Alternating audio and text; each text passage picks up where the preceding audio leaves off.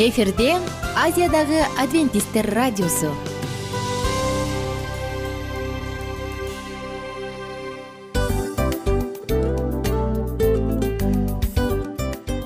Достор салют.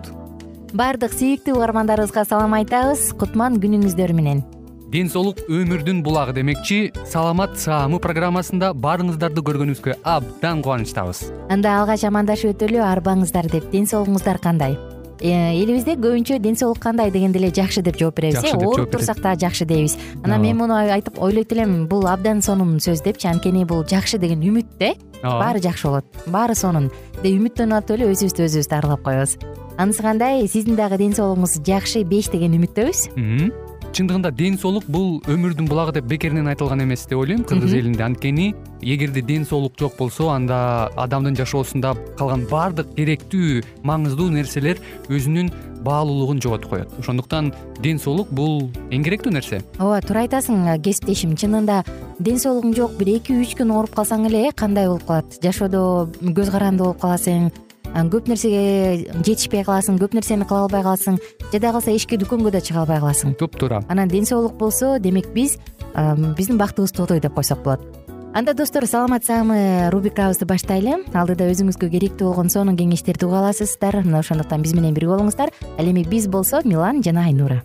Кеттик алга. Алга саламат саама ден соолуктун жарчысы. Саламат саама ден соолуктун ачкычы. Күн сайын сиз үчүн мыкты кеңештер сонун жаңылыктар кызыктуу фактылар. Биздин рубрикада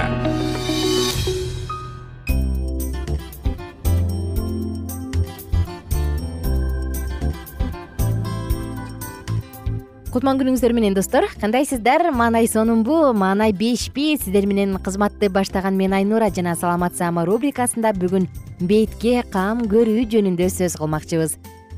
Менимче айымдардын баардыгынын кулактары узара түштүү болуш керек. Мырзалар маани деле берген жок болуш керек. Бирок ошентсе дагы баардык угармандарыбызды чакырабыз. Кээде ай сенин бетиңде эле баары бетиңден эле көрүнүп турбайбы жүзүңөн эле көрүнүп турбайбы дейт эмеспи э? Бул фразаны жашообузда бир жолу укканбыз же кимдир бирөөнөн айтканбыз. Анысы кандай? Биздин бетибиз жан дүйнөбүздүн эле эмес организмдин дагы жүзү. Сиз эгерде компаниянын жүзү болсоңузчу же болбосо жөн гана үйдө отурган айым деле э, жагымдуу жакшынакай көрүнгүсү келет туурабы анткени баардык адамдар биринчи кезекте эле биздин бетибизге көңүл бурушат. Анткени биздин бетибиз визитка карточкасы сыяктуу. Эмесе достор башка денебиздин бөлүгүнө караганда биз бетке өзгөчө кам көрүшүбүз керек. Анткени бет дайыма ачык жүрөт шамалга орунат күнгө күйөт. Мына ошондуктан ага өзгөчө көңүл буруу керек. Дайыма жаш жана саламаттуу болгуңуз келеби? Анда биздин программаны андан ары угуңуз. Бир четинен караганда бетке кам көрүүдө эч кандай кыйынчылык деле жок. Болгону беттин терисине кам көрүш керек. Тазалык нымдандыруу аны азыктандыруу булардын баардыгы тең терини жакшы абалда кармоочу сонун каражаттар. Бирок бирок бир нече нюанстар дагы бар. Эмесе баштадык. Териңизди жакшы сактагыңыз келсе беттикин эмне кылыш керек? Биринчи кезекте эле ашыкча күндүн нурунан качыңыз. Анын кереги жок. Анткени ашыкча күндүн нуру бырыштарды эрте түшүрөт дагы теринин рак оорусун пайда кылышы мүмкүн. Кышында биз майлуу бет майларды сүйкөйбүз дагы жылуу шарфтарды оронобуз сууктан сактанганга аракет кылабыз. Жайында болсо ага болушунча витаминдүү маскаларды кое баштайбыз.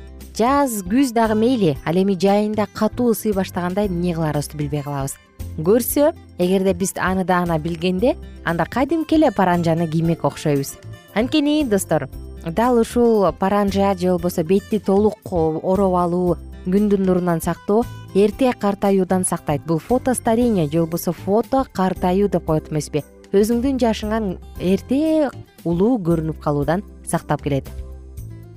Ченеми менен жакшынакай күйүү пайдалуу бирок ашыкча күйүүнүн кереги жок. Анткени ультрафиолет нурлары клетканын мембрандарын молекуланын белоктун молекулаларын нуклеин кислоталарын баардыгын тең бузуп коет.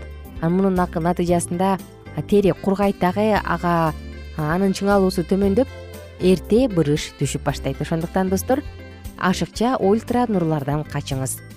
Кийинки кезекте тамеки чекпеңиз чылым чекпеңиз анткени чылым чегүү андагы түтүн терини эрте эле картайтат. Адамдын ичин эле эмес ал сыртынан дагы булгап сыртынан дагы аны эрте кургатып жок кылат. Ошондуктан достор тамеки чеккен адамдар өзүнүн жашынан эрте көрүнгөнүн байкасаңыз бул дагы бекеринен эмес кийинки кезекте айта турган нерсе уктаар алдында макияжды сөзсүз өчүрүп жатыңыз. Анткени макияж теринин майда тешиктерин бүтөп коет дагы териге аба кирбей калат. Ошондуктан ал уктаарда макияжды чечип коюу же болбосо жуу. Анан жөн эле эптеп септеп эле баягы гель менен жууп коюу жетишсиз. Ал үчүн бетти бир мүнөттөй жылуу сууда аябай майда майда массаж кылып жакшылап жууш керек. Ошондо гана бет беттин тешиктериндеги макияждары же болбосо кремдер кетет экен дагы бетке аба келе баштайт. Кызык бекен бирок бул туура бирок бул чындык. Мына ошондуктан жакшы макияжды алуучу макияжды өчүрүүчү жакшы каражаттарды колдонуңуз дагы туура жуунуңуз. Кийинки кезекте тамак сиңирүүгө көңүл буруңуз. Диспепсия ашказандагы ашыкча кычкылдык булардын баардыгы адамдын жүзүнөн көрүнүп турат ошондой эле достор позитивдүү ой жүгүртүңүз. Ооба бул алардын баардыгы жакшы негативдүү ойлор тынчсыздануу стресс. Булардын баардыгы тең беттин булчуңдарын кааласаң каалабасаң дагы кыскартат. Беттин булчуңдары кыскара баштаса мурунку уктурууда айтканбыз. Анда бетке кан азыраак жүгүрө баштайт дагы ал эрте картаят. Эми бир аз бир аз теринин түрлөрү жөнүндө айтсак беттин кандай терисинин түрлөрү бар? Нормалдуу кожа нормалдуу кадимкидей эле нормалдуу кожа. Мында бет кызыл болот дагы. Мында бет кызарып кичинекей наристенин жүзүндөй болуп жаркырап турат. Кийинкиси кургак кожа кургак тери. Мында ага чыңалуу жетишпейт. Май бездери жетиштүү түрдө майларды бөлүп чыгарбайт анын натыйжасында териге эрте бырыш түшөт. Балким бул Э, пайдалуу азыктардын жетишсиздигинен болушу мүмкүн рациондогу же болбосо жаман адат чегүү деген жаман адаттан болушу мүмкүн. Кийинки кезекте майлуу тери бул жалтырап жана былжырап турган майлуу тери. Мында тескерисинче май бездери көбүрөөк сааланып көбүрөөк мөлчөмдө бөлүп чыгарат дагы анын натыйжасында кара тактар э, безетки пайда болушу мүмкүн.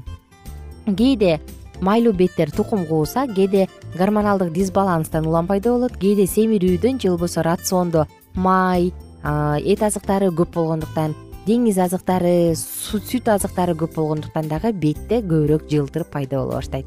Жана ошондой эле достор ортолуу же болбосо аралаш же комбинированный деп коет эмеспизби? Аралаш тери бар э? Анда кайсы бир участоктор кайсы бир жерлери майлуу боло турган болсо кайсы бир жерлери тескерисинче кургак.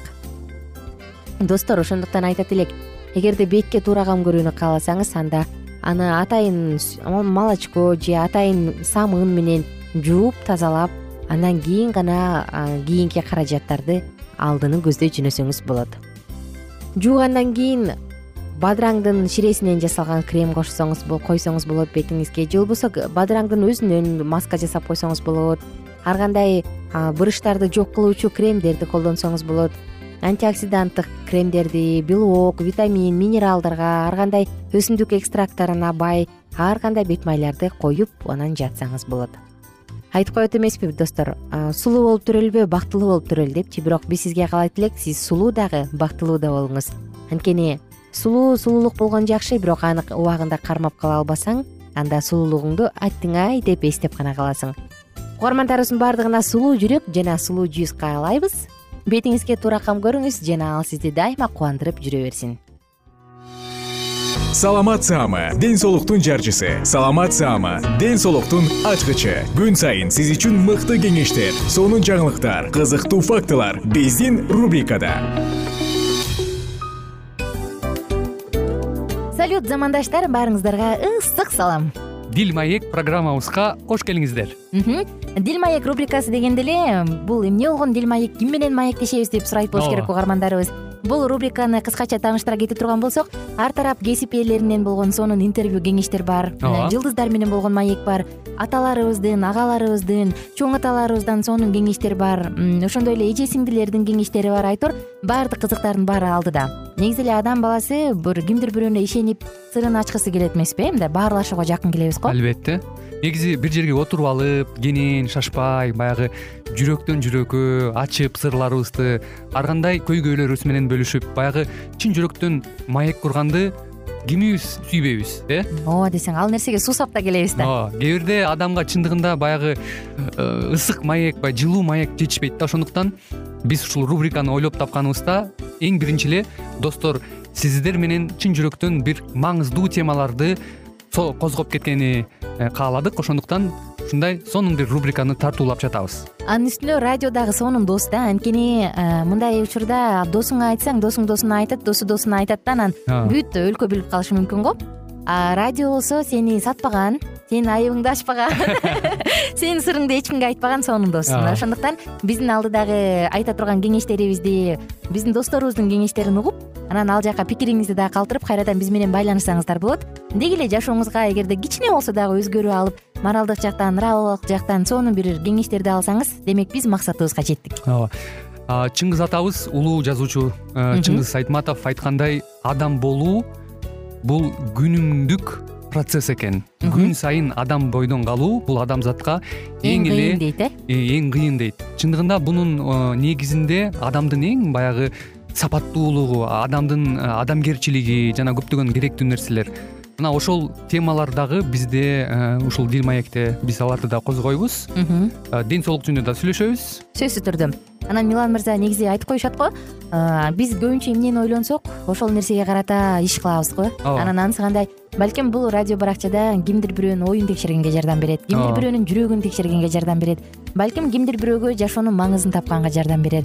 Айтор кызыктын баары алдыда бул жөн гана кыскача жарнама анда угармандарыбыздын баардыгын кийинки рубрикабызга чакырабыз. Ал эми кызматта маңдайымда отурган кесиптешим милан жана мен айнура. Анда эмесе биз даярдаган терең терең ойлор менен таанышууга кеттик. Алыс алыс баралык. Анда эмесе достор биз менен бирге болуңуздар. Алдыда эң кызыктуу маалыматтардын баардыгы бир нече мүнөттөр бою жалгыз гана сизге арналат мына ошондуктан жакшы маанай менен угууну каалайбыз. Үн алышканча. Жөнөдүк. Ар түрдүү ардактуу кесип ээлеринен алтын сөздөр жүрөк ачышкан сыр чачышкан сонун маек дил маек рубрикасында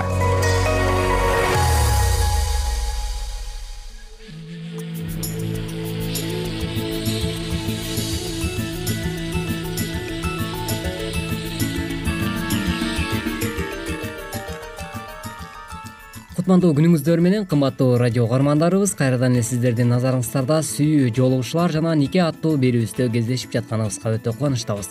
Бүгүнкү программабыздын чыгарылышында биз бактылуу никенин баалуу эрежелери туурасында сүйлөшмөкчүбүз. Деги эле э, нике туурасында сөз кылмакчыбыз. Андыктан э, бүгүнкү берүүбүздө биздин ободон алыстабай биз менен биргеликте болгула никеде бири бириңерди сыйлагыла.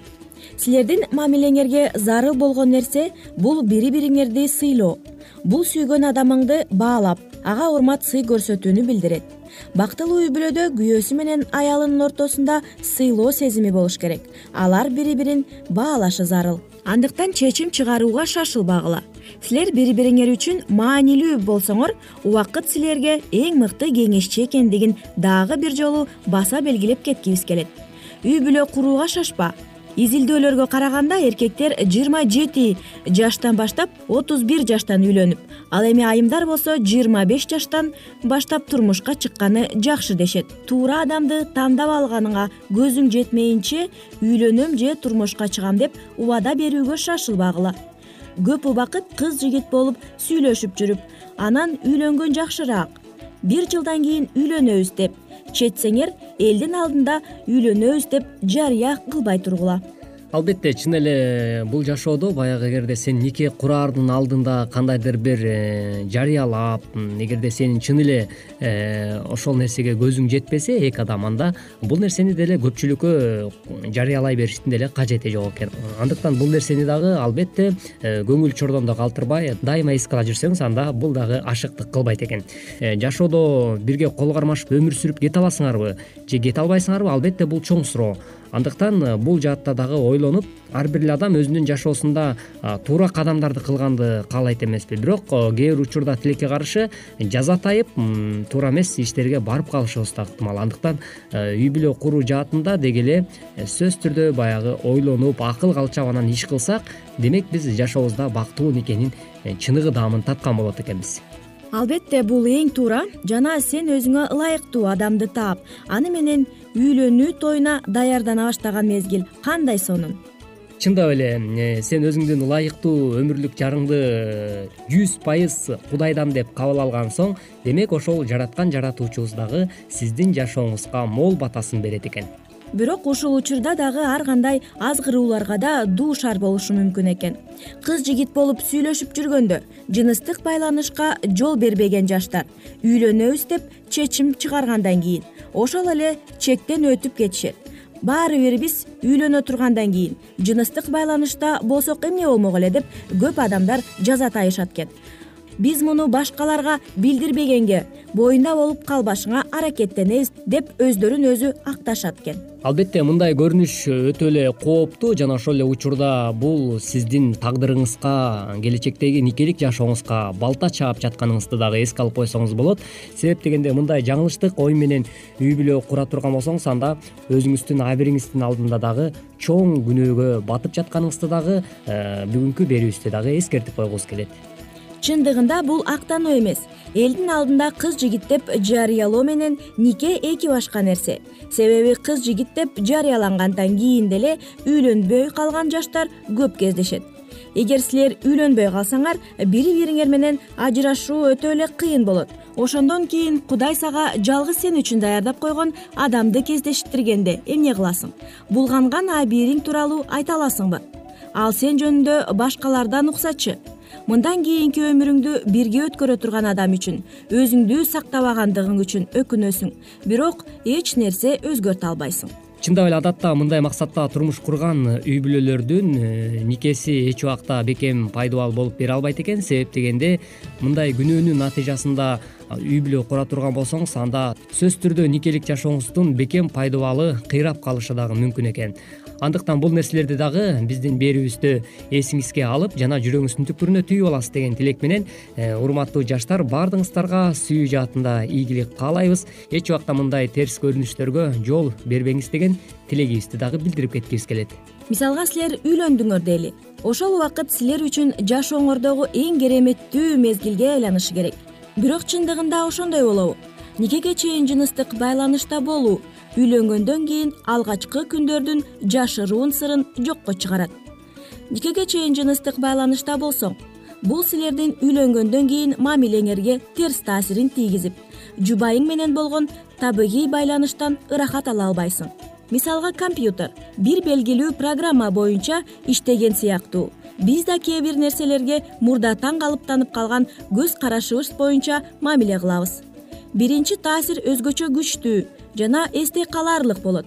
Биринчи жолу сага таасир берген нерсе өмүр бою унутулбайт. Эгер үй бүлө курганга чейин жыныстык байланышта болсоң өзүңдү күнөөлөө коркуу сезими пайда болот. Өзүңдү сыйлабай каласың. Бул кыздарга дагы жигиттерге да тиешелүү нерсе.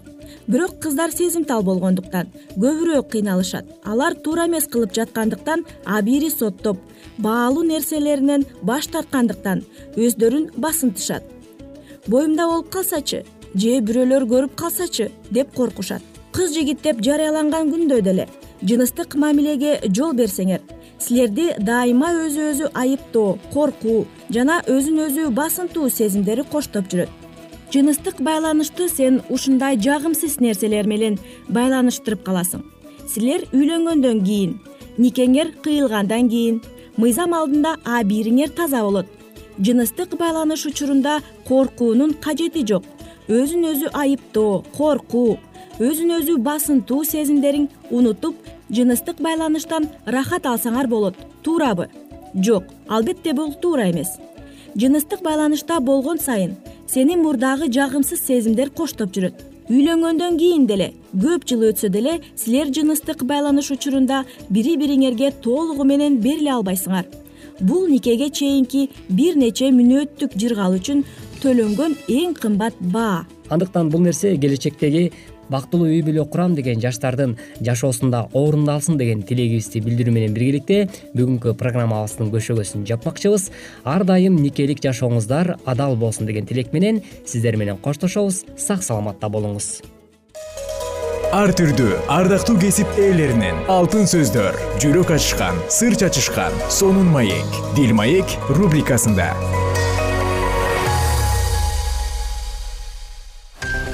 Жан дүйнөңдү байыткан жүрөгүңдү азыктанткан жашооңо маңыз тартуулаган жан азык рубрикасы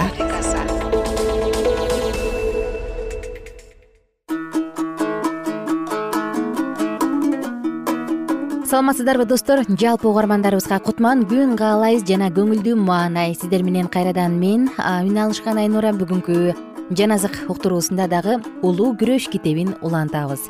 Биз менен бирге болуңуздар. Кыйкырык ызы чуу мыскылдап каргоо менен жыйында арыган калың топ өз олжосуна кол салууга даяр болушканда көзгө сайса көрүнбөгөн караңгы түндө дагы караңгылыгы күч болгон түн пайда болот жана жерди чулгайт. Анан асмандан кудайдын тактысынан жаркырап чыккан көк желе сыяктанган жарык ар бир сыйынып жаткан топтун үстүнө тиет. Каарданган адамдар корккондуктан силейип катышат жана шылдыңдаган үндөр басылган. Адамдар өздөрүн эмне мынчалыктуу кыжырын кайнаткандыгын билбей дагы калышкан.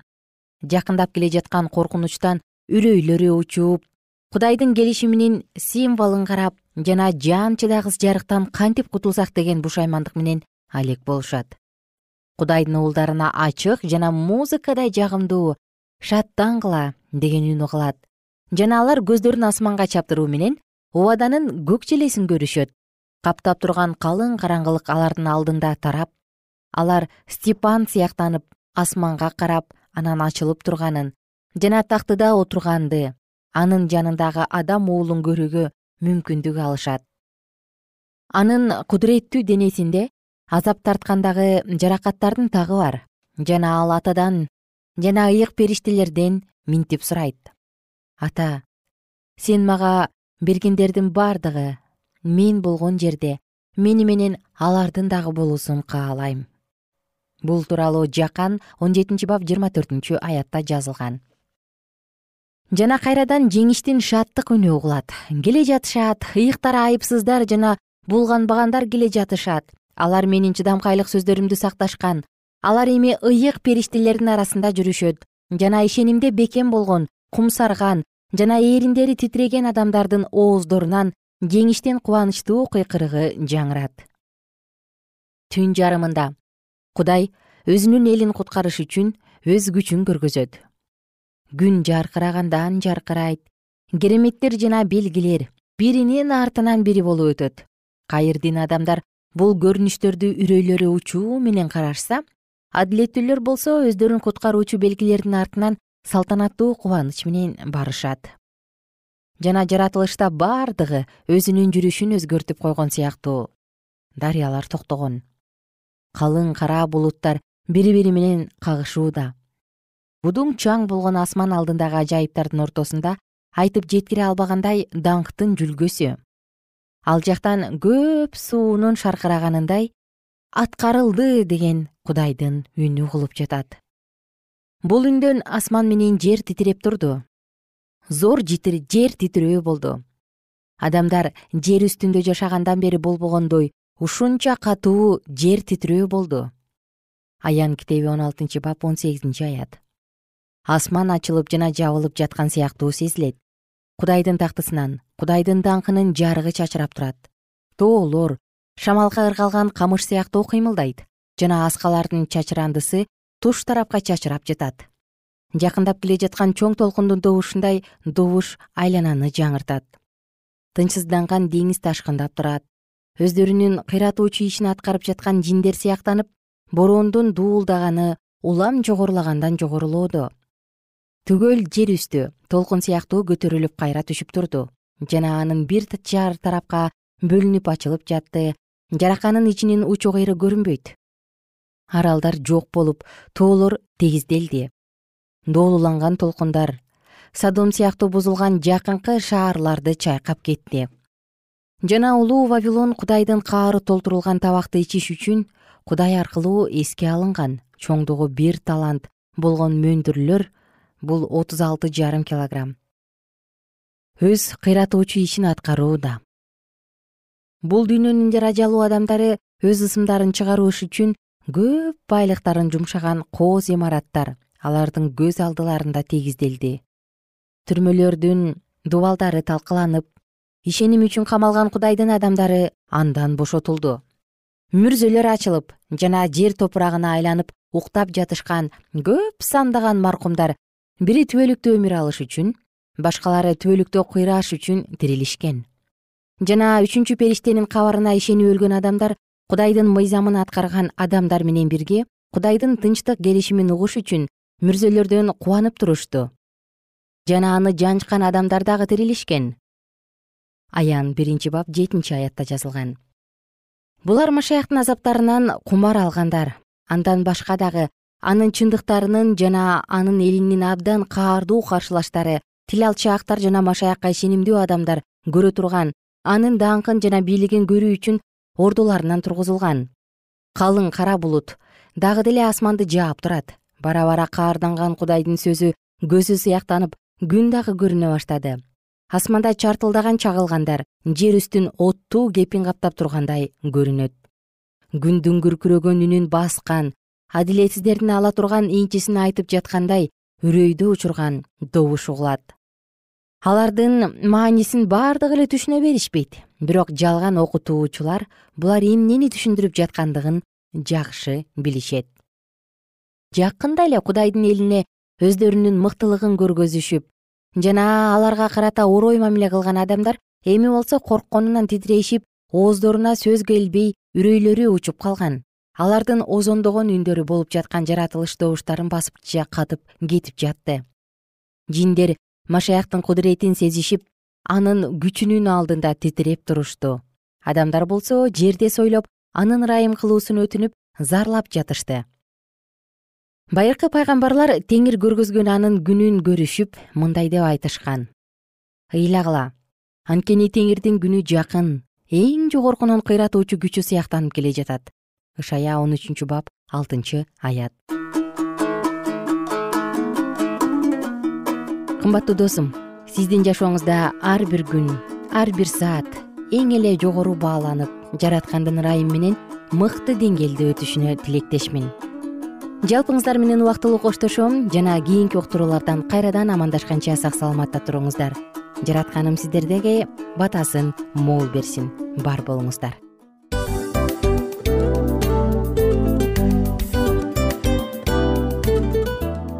достор биздин радио баракчаларыбыз соңуна келди. Демек бул программабызды дагы жыйынтыктачу учур келдик. Учурга келдик. Анан кесиптешимден сурагым келип турат. Негизи эле иштин башталып атканы кубандырабы сени же жыйынтыгы кубандырабы? Албетте жыйынтыгы. Себеп дегенде сен кылган ишиңдин жыйынтыгын көрүп э, баягы мөмөсүн көрүп дегендей жыргайсың жүрөгүң жемишинен татып э кандай даамдуу деп. Баягы буудай сепкенде эмес буудай эгинди жыйнагандан кийин ысык нанды жегенде кадимкидей ырахаттанасың го. Ой айтпа туура айта кеттиңиз. Сонун салыштыруу болду. Анан мен дагы абдан кубанып турам. Анткени биз угармандарыбыз үчүн аябай эмгектенип келген уктуруубуздун соңуна келип калдык анан эми э, уктуруубуздун соңунда угармандар кандай пайда алып калды экен деп күтүп турам да. Балким э, менин жашоомо өзгөрүү киргизе турган сонун сөздөр болду. Мен ушул нерсени изилдеп анан кабыл албасам ушул нерсени кылбасам деген чечим чыгарсаңыз анда биз абдан кубанычтабыз. Сөзсүз түрдө. Андыктан кийинки биздин кызыктуу уктурууларыбыздан көрүшкөнчө сак саламатта калыңыздар. Чыдамсыздык менен сиздерди мен милан жана кесиптешим айнура күтөбүз баардык угармандарыбызга ийгиликтүү күн каалайбыз. Качан гана болбосун уртуңуздан жылмаюу кетпесин үйүңүздө көмүр жүрөгүңүздө көңүл болсун дейли